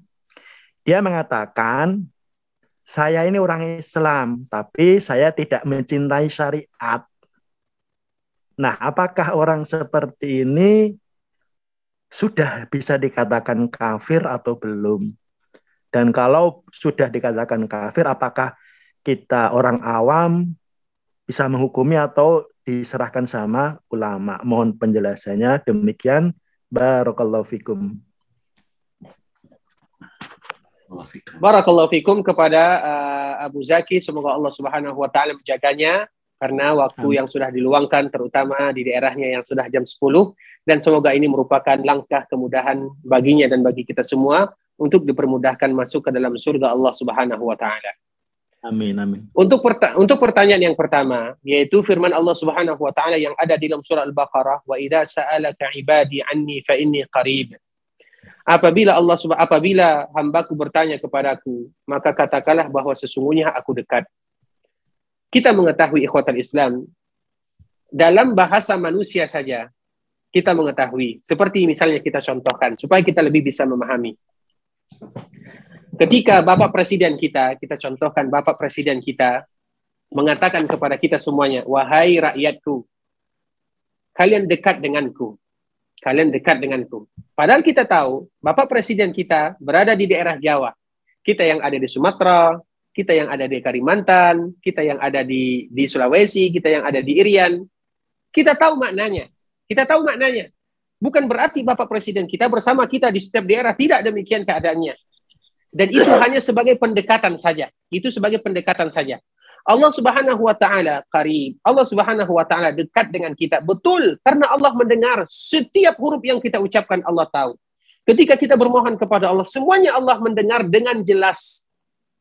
Ketika kita melakukan sesuatu, Allah melihat dengan jelas. Semuanya sudah diketahui oleh Allah Subhanahu wa taala. Tidakkah itu dikatakan dengan dekat? Sebagaimana disebutkan oleh Imam Malik rahimahullahu taala. Imam Malik pernah menyebutkan wa ilmuhu fi kulli makan. Allah Subhanahu wa taala bersemayam di atas aras. Allahu alin fawqa arsyihi wa ilmuhu fi kulli makan. Allah Subhanahu wa taala bersemayam di atas aras dan ilmunya berada di seluruh tempat di setiap tempat. Apa maknanya? Berarti ilmu Allah Subhanahu wa taala Allah mendengar kita, iya. Allah melihat kita, iya. Dan Allah mengetahui seluruh gerak-gerik kita. Sehingga dengan demikian kita berdoa kepada Allah Subhanahu wa taala dan betapa banyak orang yang ada di dalam dunia ketika mereka berdoa bermohon kepada Allah Subhanahu wa taala mereka merasakan perasaan yang demikian. Nah, bagaimana tafsir yang benar? Tentunya kita harus merujuk kepada tafsir-tafsir sebagaimana tafsir Ibnu Katsir rahimahullahu taala yaitu ketika para sahabat Nabi Shallallahu alaihi wasallam bertanya kepada Rasulullah Shallallahu alaihi wasallam setelah menjelaskan mereka bertanya aina rabbuna? Di mana Allah? Yaitu tentang kita berdoa kepada Allah Subhanahu wa taala. Maka Rasulullah sallallahu alaihi wasallam diberikan wahyu oleh Allah Subhanahu wa taala fa anzalallahu azza wa jalla wa idza sa'alaka ibadi anni fa inni qarib. Ketahuilah katakan kepada mereka wahai Muhammad kalau seandainya mereka bermohon kepadaku maka aku sangat dekat kepada mereka.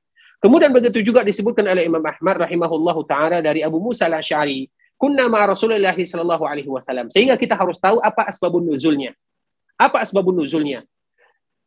Imam Abu Hasan atau Abu Hasan Al-Asy'ari, Abu Musa Al-Asy'ari, maaf, Abu Musa Al-Asy'ari merupakan sahabat Nabi sallallahu alaihi wasallam. Dia pernah bersama Nabi sallallahu alaihi wasallam dalam sebuah peperangan. Kemudian ketika mereka pulang, kita tahu di dalam mereka pulang melakukan perjalanan, kadang mereka menaiki tempat yang tinggi, kadang mereka turun ke tempat yang rendah sehingga mereka mengangkat suaranya dengan takbir.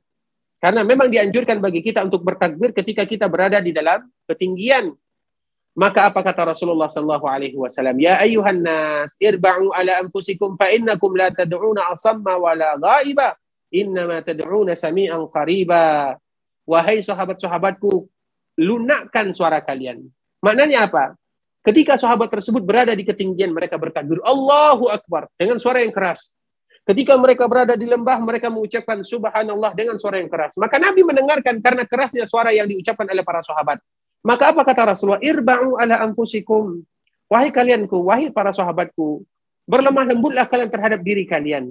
Karena kalian bermohon kepada zat yang bukan tuli, yang tidak bisa melihat. Innama innakum tad'una sami'an qariba. Kalian mendengar kepada zat yang maha mendengar dan zat yang maha melihat. Semua kita tahu tentang sifat Allah mendengar dan melihat. Apabila kita yakin Allah melihat kita dengan sangat jelas. Apabila kita yakin Allah mendengar kita dengan sangat jelas, maka di sanalah kalimat-kalimat karib. Berarti Allah dekat dengan kita. Makanya di dalam sebuah di dalam sebuah hadis atau di dalam sebuah uh, firman Allah Subhanahu wa taala di dalam surah Al-Mujadilah ayat pertama di dalam surah Mujadilah ayat pertama. Mujadilah ini yaitu Allah Subhanahu wa taala bercerita tentang seorang wanita yang mengadukan suaminya kepada Rasulullah sallallahu alaihi wasallam. Apa kata Aisyah? Jadi wanita ini datang ke rumah Rasulullah yang mana Rasulullah pada saat itu berada di rumah Aisyah. Aisyah ingin mendengarnya namun tidak jelas. Walaupun Aisyah mendengarnya namun samar-samar. Padahal dekat jaraknya karena rumah Aisyah hanya dua atau tiga meter saja. Kemudian setelah wanita ini mengadu kepada Rasulullah, langsung turun ayat pada sami Allah. Qaulal lati tujadiluka fi. Ya Rasulullah, Allah mendengar, Allah mendengar ketika ada seorang wanita yang mengadu kepadamu perihal suaminya. Apa kata Aisyah? Subhanallah, apa kata Aisyah radhiyallahu taala anha? Saya saja yang ada di dalam kamar yang bersama Rasulullah dan wanita tersebut tidak terlalu jelas bagi saya. Sedangkan Allah Azza wa Jalla mengetahuinya bahkan menurunkan ayat khusus untuk wanita yang mengadukan suaminya kepada Rasulullah sallallahu alaihi. Maknanya apa? Allah mendengar dan Allah berada di atas aras. Sehingga kalau seandainya demikian, apa maknanya? Allah karib, Allah subhanahu wa ta'ala dekat dengan kita. Dan Allah tetap berada di atas arasnya. Tidak bertentangan antara ayat-ayat tersebut. Dan ini merupakan asbabun nuzul. Karena apabila kita mengetahui sebab nuzul dan kenapa ayat ini turun, maka mudah bagi kita untuk memberikan atau memahami ayat. Karena mem memahami Al-Quran atau memahami hadis Nabi, tidak boleh memahami begitu saja. Harus ada standarnya, harus ada rujukannya. Dan yang kita sebutkan ini adalah hadis-hadis yang tadi telah kita bacakan. Diriwayatkan oleh Imam Ahmad dari sahabat Abu Musa al-Ash'ari, kemudian juga dikeluarkan oleh Imam At-Tabari, kemudian juga dikeluarkan oleh Imam Ibnu Katsir di dalam kitabnya tafsir, tafsirul Quranil Azim, begitu juga ulama-ulama ulama-ulama yang lainnya. Kemudian untuk pertanyaan yang kedua, ketika ada seseorang yang mengaku kepada agama Islam, namun mereka ingin keluar dari syariat Islam, tidak mau melaksanakan perintah Islam itu sendiri, apa yang tersisa untuk diri mereka? Islam itu artinya apa? Islam itu artinya al-istislamu lillah. Islam itu artinya adalah ketika kita menyerahkan diri kita kepada Allah. Status kita ini apa? Status kita ini adalah hamba. Kita ini hamba, statusnya adalah hamba. Hamba Allah. Apabila seorang hamba kita tahu hamba itu apa kerjanya? Yaitu mentaati apa yang diperintahkan oleh tuannya. Dan Rabb kita adalah Allah Subhanahu wa taala. Kita ini hamba. Dan kita tidak boleh keluar dari konsep kehambaan tersebut karena nama kita adalah Abdullah. Ketika ada orang yang beragama Islam, namun dia tidak mau melaksanakan syariat Islam satupun, secara zahir kita tidak berbicara tentang fulan, tapi secara zahir, secara hukum maka dia sudah keluar dari Islam itu sendiri. Namun bagaimana orangnya? Apakah bisa diterapkan kepada setiap individu? Tidak boleh. Itu harus diserahkan kepada mereka yang ahli, kemudian dipanggil orangnya, kenapa dia mengatakan yang demikian, kemudian apa syubhatnya, apakah betul-betul itu hanya karena syubhat, atau dia berkeyakinan yang demikian, karena itu butuh perkara yang butuh waktu yang sangat lama, dan harus dipanggil ke depan qadi, atau kalau bahasa kitanya dipanggil ke depan MUI, kemudian ditanya, kemudian dilihat dari sebabnya, kemudian bisa jadi karena gangguan kejiwaan, kemudian bisa jadi karena hal-hal yang lainnya kita tidak tahu. Sehingga secara hukum iya, namun secara hukum kepada individu kita tidak boleh mengatakan kepada setiap individu apa pun inisialnya, apakah AM ataupun yang semisalnya, itu semuanya diserahkan kepada mereka yang ahli di bidangnya dan di daerah kita sudah ada MUI dan semoga Allah Subhanahu wa taala menjaga kita dan itu merupakan bentuk kekufuran yang nyata. Barakallahu fikum wa jazakumullahu khairan. Jazakumullah khairan Ustaz. Selanjutnya kami masih ada satu penanya secara langsung. Kami persilahkan Mutiara Wildenauer. Assalamualaikum, selamat malam. Selamat malam. Um, Assalamualaikum warahmatullahi wabarakatuh. Waalaikumsalam. Waalaikumsalam warahmatullahi wabarakatuh. Ya, izin bertanya ya Pak Ustadz. Uh, saya pernah membaca suatu nasihat ya, seperti begini. Janganlah engkau menghina saudaramu. Sesungguhnya semua hati anak Adam itu berada di antara dua jari Sang Rahman. Bagaikan sekeping hati, dia akan membolak-baliknya sekehendaknya. Kemudian Rasulullah membaca doa, wahai zat yang membolak-balik hati, arahkan hati kami untuk selalu taat kepadamu. Kata-kata di antara dua jari Allah itu, uh, kemudian membolak-balik hati, uh, itu memancing untuk membayangkan Allah itu mempunyai jari gitu Pak Ustadz. Padahal kan Allah tidak sama dengan makhluknya. Seperti yang tadi Pak Ustadz jelaskan. Bagaimana itu Pak Ustadz? Jazakallah khair, Pak. Barakallahu fikum kepada ibu kita uh, Mutiara. Semoga Allah Subhanahu wa taala menjaganya, menjaga keluarganya, memberikan keberkahan terhadap harta dan keluarganya dan kepada kita semua. Amin. Hadis ini merupakan hadis uh, dari sahabat Anas bin Malik radhiyallahu taala. Yang hadis ini merupakan hadis yang masyhur, maknanya hadis yang yang sahih dari Rasulullah sallallahu alaihi wasallam walaupun nasihat yang tadi dibacakan tidak semuanya bagian daripada hadis karena ada kata-kata yang keluar daripada hadis dan teks hadis Rasulullah sallallahu alaihi wasallam. Rasulullah sallallahu alaihi wasallam menyebutkan innal qalba baina isbi' min asabi ar-rahman yuqallibuha kaifa yasha. Sesungguhnya hati anak Adam baina isbi' di antara jari Allah Subhanahu wa taala yang mana Allah Subhanahu wa taala membolak-balikkan sesuai dengan kehendak Allah sehingga Rasulullah Shallallahu Alaihi Wasallam menganjurkan kepada kita mengucapkan sebuah doa Ya muqallibal qulub, wahai zat yang membolak-balikkan hati. Sabbit qulubuna atau sabbit qulubuna ala ta'atik. Tegarkan dan tetapkanlah hati kami ini agar senantiasa berada di dalam hidayahmu, berada di dalam agamamu, dan berada di atas ketaatan kepada nabimu. Tentunya kita, ini sama dengan ayat-ayat sifat yang lainnya, karena bukan jari saja. Bukan jari saja. Sebenarnya masih banyak Allah subhanahu wa ta'ala menyebutkan tentang sifatnya. Allah menyebutkan tentang dirinya, Allah memiliki wajah. Allah menyebutkan tentang dirinya, Allah memiliki tangan. Allah menyebutkan kepada dirinya, mungkin ada hadis yang akan uh, dijelaskan yaitu Allah Subhanahu wa taala memiliki kaki. Ketika Allah Subhanahu wa taala berbicara tentang penduduk neraka dan juga orang-orang yang ada di dalam surga, banyak sifat-sifat Allah Subhanahu wa taala yang lainnya, bukan hanya jari saja. Nah, ketika ini memancing kita untuk bertanya berarti sama Allah Subhanahu wa taala dengan makhluk. Tidak ada orang yang mengatakan Allah sama dengan makhluknya. Sehingga ketika Allah, sehingga yang harus kita katakan, ketika ada ayat-ayat dan ketika ada hadis Nabi Shallallahu Alaihi Wasallam, selama hadis tersebut adalah hadis yang jelas dan hadis yang sahih dari Nabi Shallallahu Alaihi Wasallam, kita hanya bisa mengucapkan sami'na, kita dengar, kita tahu, kita membaca hadis Nabi tersebut, tersebut wa ata'na dan kita taat. Karena tidak mungkin dan kita tidak dituntut untuk mengetahui hakikatnya. Kita harus mengetahui kita sebagai seorang hamba tidak dituntut oleh Allah Subhanahu wa taala mengetahui hakikatnya. Kita hanya dituntut oleh Allah Subhanahu wa taala ketika ada ayat atau nas yang turun atau yang kita dapatkan. Kita beriman, kita mendengarkan, kemudian kita percaya.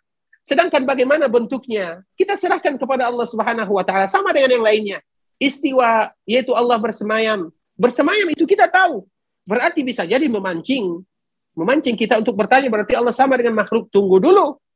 Tunggu dulu. Begitu juga ketika Allah Subhanahu wa taala mengatakan untuk dirinya sifat-sifat yang lainnya. Makanya banyak sifat lain, bukan masalah jari saja. Bahkan Rasulullah Shallallahu Alaihi Wasallam dan ini merupakan hadis yang sangat populer bahkan di, di, dinukilkan di dalam Sahih Al Bukhari. Untuk mengetahui bahwa semuanya itu adalah pasti, kita contohkan sebuah hadis. Hadis tersebut adalah hadis yang berkaitan dengan orang yang terakhir sekali keluar dari api neraka dan orang yang terakhir sekali masuk ke dalam surga. Jadi ada orang yang paling terakhir yang setelah dia keluar dari neraka tidak ada lagi ada orang yang akan keluar dari api neraka. Ketika dia keluar, maka dia menganggap dirinya adalah orang yang paling beruntung. Padahal kalau dibandingkan dengan orang-orang sebelumnya, maka dia orang yang paling rugi. Namun dia menganggap untuk dirinya adalah orang yang paling beruntung, karena keberuntungan itu yang sebenarnya adalah sebagaimana yang Allah sebutkan, faman faman zuhziha 'anil nari wa udkhilal jannah. Barang siapa yang diselamatkan dari neraka, maka dia adalah orang yang beruntung. Jadi dia ini menganggap dirinya adalah orang yang sudah beruntung. Kenapa? Karena dia sudah merasakan azab yang begitu dahsyat. Ibarat kita, ketika kita berada di dalam kesulitan, kemudian Allah memberikan pertolongan kepada kita, maka kita akan menganggap bahwa kita adalah manusia yang paling beruntung. Padahal masih banyak hamba-hamba Allah yang paling beruntung. Namun itu adalah anggapan kita untuk diri kita, sebagaimana orang tersebut menganggap anggapan tersebut untuk dirinya. Kemudian akhirnya dia keluar dari neraka dan dimandikan ke dalam sebuah sungai yang bernama Sungai Hayat, sungai kehidupan. Kemudian dia duduk di pinggir sungai, yang ada pohonnya dengan keindahan. Dan ini tidak di surga dan tidak di neraka. Kemudian akhirnya dia melihat ada sebuah pohon yang sangat indah. Hatinya pun tertuju kepada Allah Subhanahu wa taala. Akhirnya dia memohon meminta kepada Allah, ya Allah, dekatkan aku dengan pohon tersebut. Dan aku tidak akan meminta yang lain karena dia menganggap ketika didekatkan dengan pohon itu maka dia sudah mendapatkan nikmat yang sangat luar biasa. Akhirnya terjadilah kesepakatan antara Allah dengan hambanya Wahai hambaku, betul kamu tidak meminta yang lain? Betul ya Allah, aku tidak akan meminta yang lain. Kemudian Allah kabulkan, didekatkan dengan pohon yang indah tersebut. Dia duduk di bawahnya, bernaung di bawahnya. Setelah beberapa saat, dia pun melihat ada pohon yang lebih indah lagi. Ada pohon yang lebih indah, ada sungai yang mengalir di bawahnya yang lebih indah lagi. Akhirnya pun dia lupa akan janjinya yang pertama. Namun kita bermuamalah dengan Allah yang Maha Esa.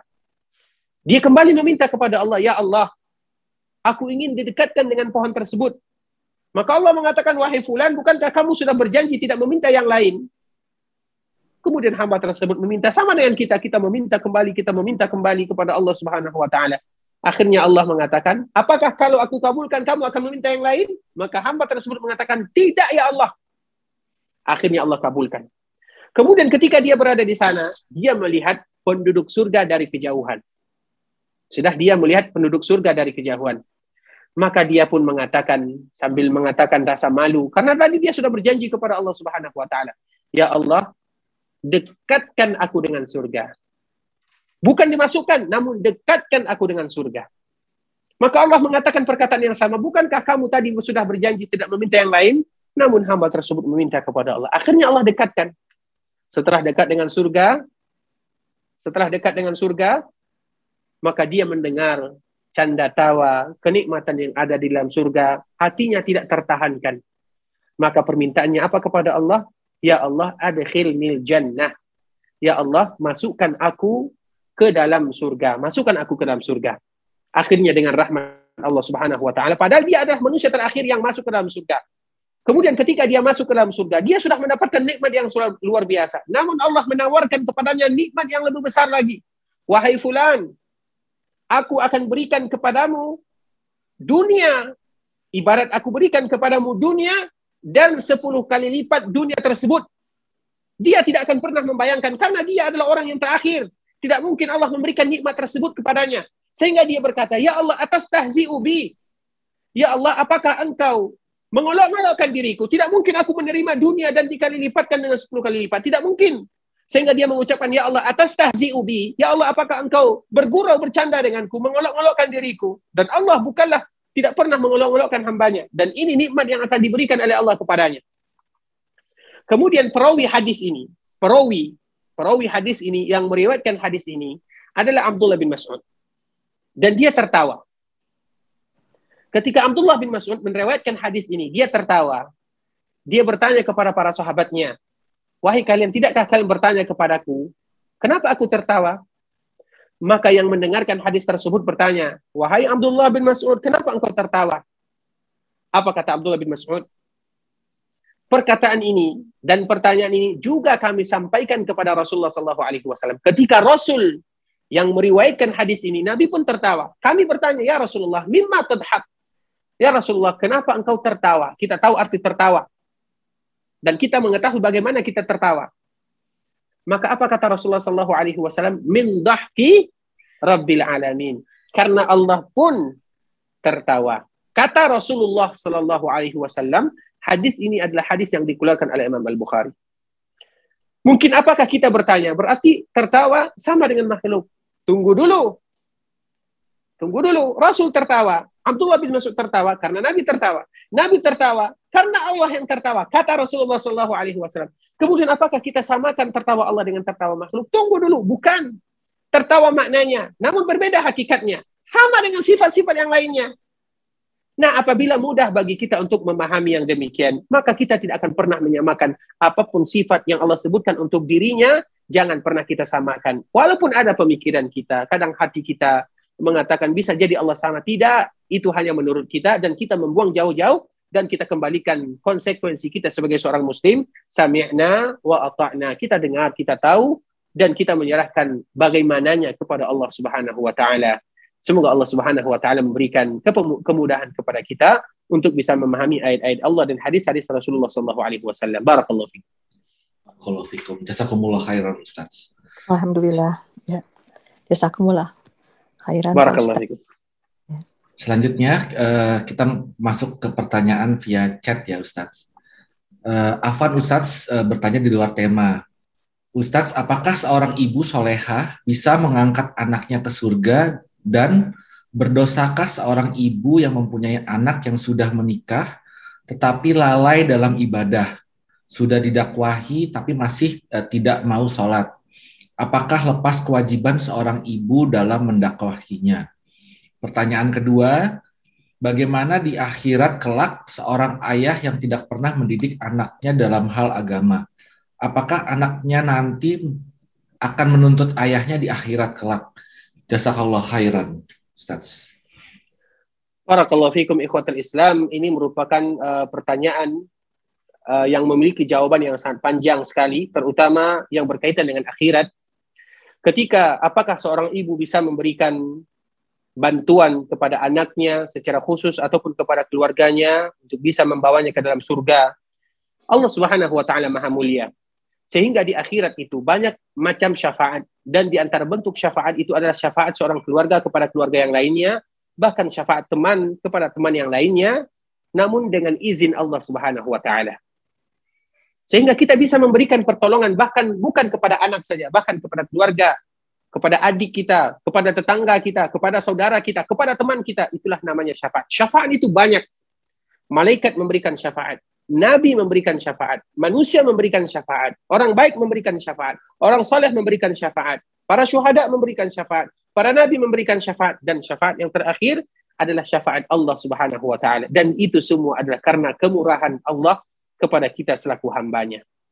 Hanya saja untuk poin yang kedua, ketika anaknya ini menikah namun dia tidak sholat, di sini permasalahan.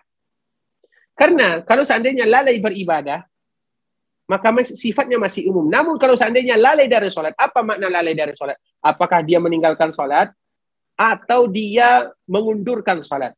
Mengundurkan sholat masih ada kemungkinan, namun meninggalkan sholat karena kita tahu perkara sholat adalah perkara yang berbahaya. Dan kita tahu ketika seseorang memberikan syafaat, ada dua syaratnya sehingga kita tidak diberikan keleluasaan. Yang pertama, Allah memberikan izin kepada orang yang memberikan syafaat. Bisa jadi misalnya kita masuk surga dan semoga kita masuk surga. Allah izinkan kita memberikan syafaat atau tidak? Kemudian ketika Allah izinkan kita memberikan syafaat, apakah Allah meridhai kepada orang yang akan kita berikan syafaat? Jadi semuanya kembali kepada Allah Subhanahu wa taala. Semuanya kembali kepada Allah Subhanahu wa taala. Sehingga dakwah tidak pernah berhenti. Karena bagaimanapun itu adalah buah hati kita, keluarga kita. Sebagaimana kita sayang kepada diri kita, kita juga sayang kepada mereka. Mereka adalah anak-anak kita, mereka adalah keluarga kita, mereka adalah saudara kita. Sebagaimana kita juga berusaha, kita juga menyerahkan urusannya kepada Allah dengan berdoa karena betapa banyak terutama seorang ibu yang mendoakan anaknya, Allah kabulkan permintaannya walaupun bukan sekarang, namun bisa jadi setelahnya, bisa jadi setelahnya. Intinya jangan pernah berhenti.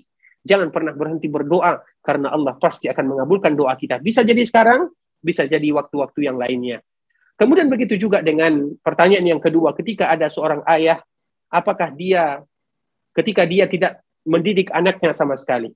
Kita tahu ikhwatal Islam. Kalau seandainya seorang ayah meninggalkan kewajibannya untuk mendidik keluarga dan anak-anaknya, maka ini masuk ke dalam firman Allah Subhanahu wa taala yang ada di dalam surah Abasa. Yafirrul mar'u min akhi wa ummihi wa abi wa sahibatihi wa bani likulli imri'in minhum yauma idzin sya'nu yughni apabila datang hari kiamat semuanya akan lari ayah lari dari ibunya anak lari dari orang tuanya, semuanya akan lari karena setiap mereka memiliki urusan yang menyibukkan. Kalau seandainya tidak melaksanakan tanggung jawabnya, maka semua mereka akan saling menuduh dan menuntut. Ketika seorang ayah tidak mendidik anaknya dengan pendidikan yang baik, bahkan tidak pernah mendidik anaknya, maka anaknya ini akan menuntut ayahnya, "Ya Allah, aku begini karena orang tuaku tidak mengajarkan." Beda ceritanya ketika seorang ayah atau ketika seorang yang sudah memberikan pendidikan yang terbaik, namun belum juga diberikan taufik dan hidayah, itu berbeda ceritanya.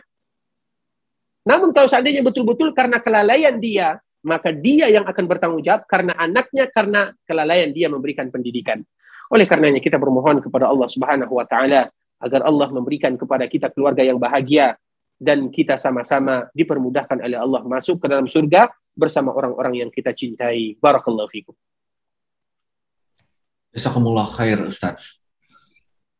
Uh, pertanyaan selanjutnya adalah apakah sholat, apakah saat sholat agar bisa menghadirkan hati yang khusyuk, bolehkah dengan membayangkan saat itu Allah sedang melihat kita, misalkan saat ruku atau sujud, uh, atau kita membayangkan Allah sedang mengelus kepala kita. Jazakumullah khair Ustaz. Barakallahu fikum untuk pertanyaannya. Semoga Allah Subhanahu wa taala menjaga kita. Untuk poin atau kata-kata yang pertama tidak menjadi masalah. Namun kata-kata yang terakhir mengelus kepala itu tidak boleh dilakukan yang demikian. Tidak boleh dikatakan yang demikian. Betul setiap kali kita menghadirkan ibadah, maka kita yakin Allah pasti melihat kita. Bahkan itulah derajat ihsan. Bukankah Nabi menyebutkan al-ihsan? An ta'budallaha ka'annaka tarah, fa illam takun tarahu, fa innahu yarak. Ihsan itu adalah derajat di mana kita berkeyakinan bahwa betul-betul sadar dan untuk menambah kekhusyukan Allah Subhanahu wa taala memperhatikan kita dengan sejelas-jelasnya. Itulah yang namanya ihsan. Barakallahu fikum wa jazakumullahu khairan. Jazakumullah khair Ustaz. Eh, selanjutnya kita ada penanya, Eh, silakan Pak Aci. Ya. Assalamualaikum warahmatullahi wabarakatuh. Eh, Ya, terima kasih Dr. Finarti. Eh, Assalamualaikum Ustadz. Mohon maaf, mungkin eh, Ana agak telat ya. Eh, mungkin ada beberapa pertanyaan yang sudah disampaikan. Tapi Ana pengen bertanya mengenai perbedaan pemahaman ahlus sunnah dalam menyi, dalam sifat-sifat Allah ini dengan tafwid Ustadz. Mungkin bisa dijelaskan. Jazakallah khair. Barakallahu fikum wa jazakumullahu khaira kepada Bapak yang bertanya, Bapak Aceh yang bertanya. Semoga Allah Subhanahu wa taala menjaganya, memberikan keberkahan dan kemudahan kepadanya dan juga Allah menjaga kita bersama. Tentunya masalah tafwid. Tafwid itu terbagi kepada beberapa macam. Ada tafwid makna, ada tafwid kaifiyah, ada tafwid yang sama sekali. Jadi tafwid itu artinya menyerahkan. Menyerahkan semuanya kepada Allah Subhanahu wa taala. Ahlu sunnah wal jamaah dan ini merupakan akidah yang tadi telah kita sebutkan akidahnya Rabi'ah, akidahnya Ummu Salamah, bahkan akidahnya Imam Malik, akidahnya Imam Syafi'i, akidah ulama-ulama ahlu sunnah wal jamaah. Mereka menyebutkan tafwidul kaifiyah la tafwidul makna. Kita menyerahkan dan kita sandarkan kepada Allah adalah hakikatnya, bukan maknanya, bukan artinya. Jadi ahlu sunnah wal jamaah, tentunya mereka menyerahkan kepada Allah subhanahu wa ta'ala bagaimananya. Ketika Allah Subhanahu wa taala bercerita tentang dirinya sebagaimana tadi yang telah kita jelaskan, Allah bersemayam. Kita tahu arti bersemayam itu kita tahu. Bersemayam di dalam bahasa Arab itu jelas karena Allah berbicara dengan bahasa Arab. Sehingga kita tahu maknanya. Yang tidak kita tahu adalah hakikatnya. Bagaimananya kita tidak tahu. Jadi itulah makna tafwid tersebut. Jadi kalau seandainya demikian kepemahamannya, pemahamannya maka betul akidah Ahlus Sunnah wal Jamaah. Kenapa? Kalau seandainya kita tafwid, semuanya kita tafwid. Berarti sama saja kita menuduh Allah Subhanahu wa taala berbicara kepada kita dengan kalimat yang kita tidak bisa memahami maknanya. Allahu akbar tidak demikian keadaannya.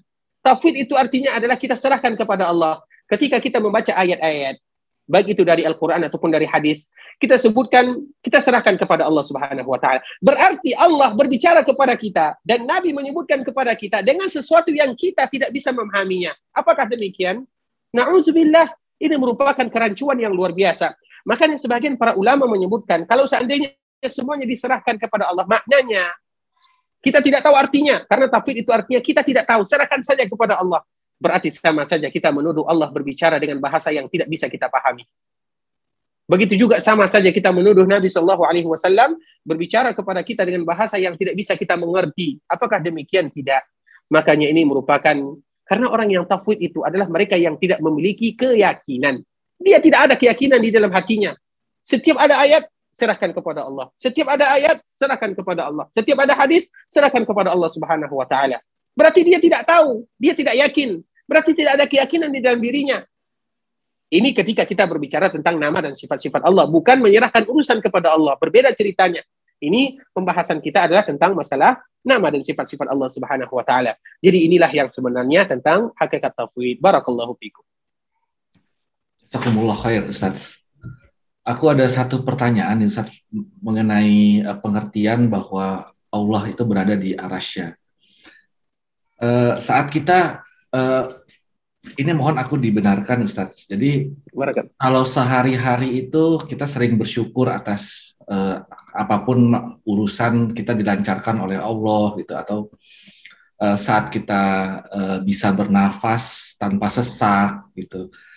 Atau saat kita sedang berjalan ke pegunungan atau yang lainnya begitu. Bahwa kita bersyukur oh Allah sudah menciptakan ini itu ini itu lalu kita mulai merasa bahwa kita ada kedekatan dengan Allah gitu Ustaz apakah itu uh, berbeda maknanya dengan bahwa Allah itu uh, berada di atas arasnya Jazakallah uh, khair Ustaz Barakallahu fikum kepada Bapak dokter kita semoga Allah Subhanahu wa taala menjaganya. Tentunya ini sama dengan pertanyaan yang tadi telah disebutkan masalah firman Allah Subhanahu wa taala wa idza sa'alaka ibadi anni fa inni qarib. Yaitu Allah betul dekat dengan kita. Allah ilmunya dekat dengan kita. Allah Subhanahu wa taala pendengarannya dekat dengan kita, penglihatannya dekat dengan kita dan itu adalah tujuan karena qarib itu innallaha qaribun bil muhsinin. Innallaha qaribun bil mu'minin. Allah qarib, Allah dekat dengan orang-orang yang muhsin. Muhsin itu apa? Seperti tadi yang kita sebutkan, setiap kali kita melihat dunia yang begitu indah, Ketika kita naik ke pegunungan, kita serahkan kepada Allah. Alangkah indahnya ciptaan Allah. Ketika Allah berikan nikmat kesehatan kepada kita, kita semakin bersyukur kepada Allah. Berarti kita disebut dengan muhsin. Muhsin itu artinya ihsan. Ihsan itu artinya adalah orang yang senantiasa menghadirkan Allah dalam kehidupannya. Menghadirkan Allah dalam kehidupan bukan berarti Allah bersama kita. Tetap Allah bersama kita dengan dengan dengan kasih sayang Allah, dengan ilmu Allah, dengan karunia Allah, dengan rahmat Allah, dengan taufik Allah dan Allah tetap bersemayam di atas arasnya. Tidak mesti kita gabung, tidak mesti misalnya tidak bertentangan antara satu dengan yang keduanya. Kita contohkan. Misalnya kita berada di malam hari, kita melihat bulan purnama yang begitu indah sambil kita mengatakan, aku sedang ditemani oleh rembulan purnama. Padahal bulan purnama itu jauh dari kita, kita tidak tahu. Namun kita menghadirkan bahwa bulan bersama kita, matahari bersama kita. Itu baru makhluk dengan makhluk. Bagaimana makhluk dengan khalik. Barakallahu fikum wa jazakumullahu khairan. Jazakumullahu khair Ustaz. Ini kebetulan kita sudah tidak ada pertanyaan lagi Ustaz. Jadi uh, mungkin Ustadz ada uh, kata penutup atau mungkin uh, benang merah begitu Ustadz mengenai diskusi kita malam ini.